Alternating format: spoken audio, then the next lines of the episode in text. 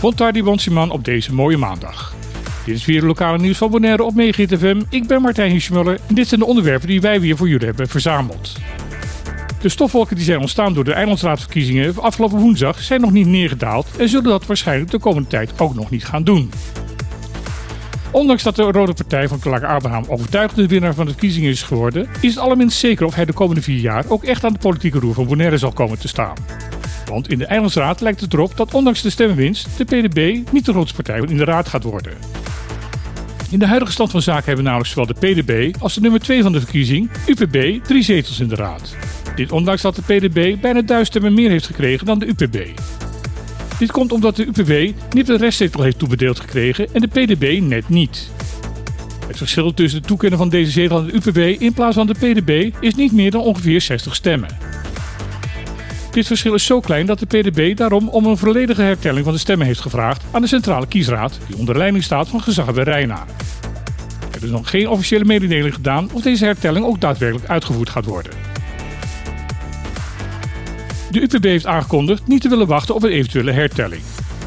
In een perscommuniqué gisteren zegt de partij het niet zinvol te vinden om op dit moment met de PDB te gaan onderhandelen over een eventueel bestuursakkoord.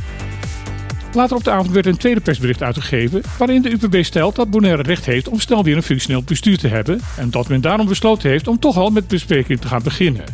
Echter niet met de PDB van Abraham, maar met de verliezende partij van deze verkiezing, de MPB, en de nieuwe partij van deze koffie, M21. Woordvoerder van de partij zal daarbij de heer Ramachita Boy zijn. Dit is een volledige rentree van de voormalige leider van de UPB in de politieke arena van Bonaire.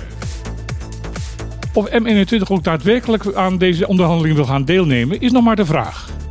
De partij maakte namelijk ook dit weekend bekend dat zij een overeenkomst met de PDB heeft gesloten om in de komende onderhandelingen gezamenlijk op te gaan trekken. Het Terramar Museum kende afgelopen zaterdag haar première als filmtheater.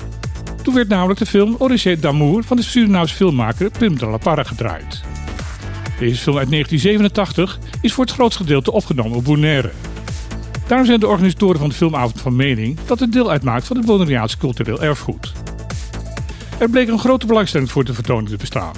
Doordat het museum maar over een klein aantal zitplaatsen kan beschikken, was de voorstelling al snel volledig uitverkocht en moest er een groot aantal belangstellenden teleurgesteld worden.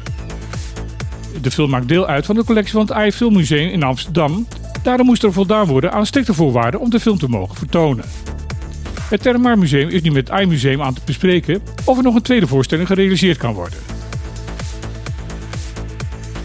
Na de bakel met Caribbean Petroleum Refinery probeert de organisatie van Refineria de Curaçao een nieuwe verkoopspartner te vinden. Na maanden te hebben onderhandeld met de CPR, waarbij er steeds werd gezegd dat de partijen er bijna uit waren, ontdekte het Antilliaans Dagblad dat een flink deel van de documenten die door de CPR waren aangeleverd vervalst waren. Het ging hier onder andere om een vermeende bankgarantie waaruit zou moeten blijken dat de CPR de koopsom van de Israël raffinerij ook echt kon betalen.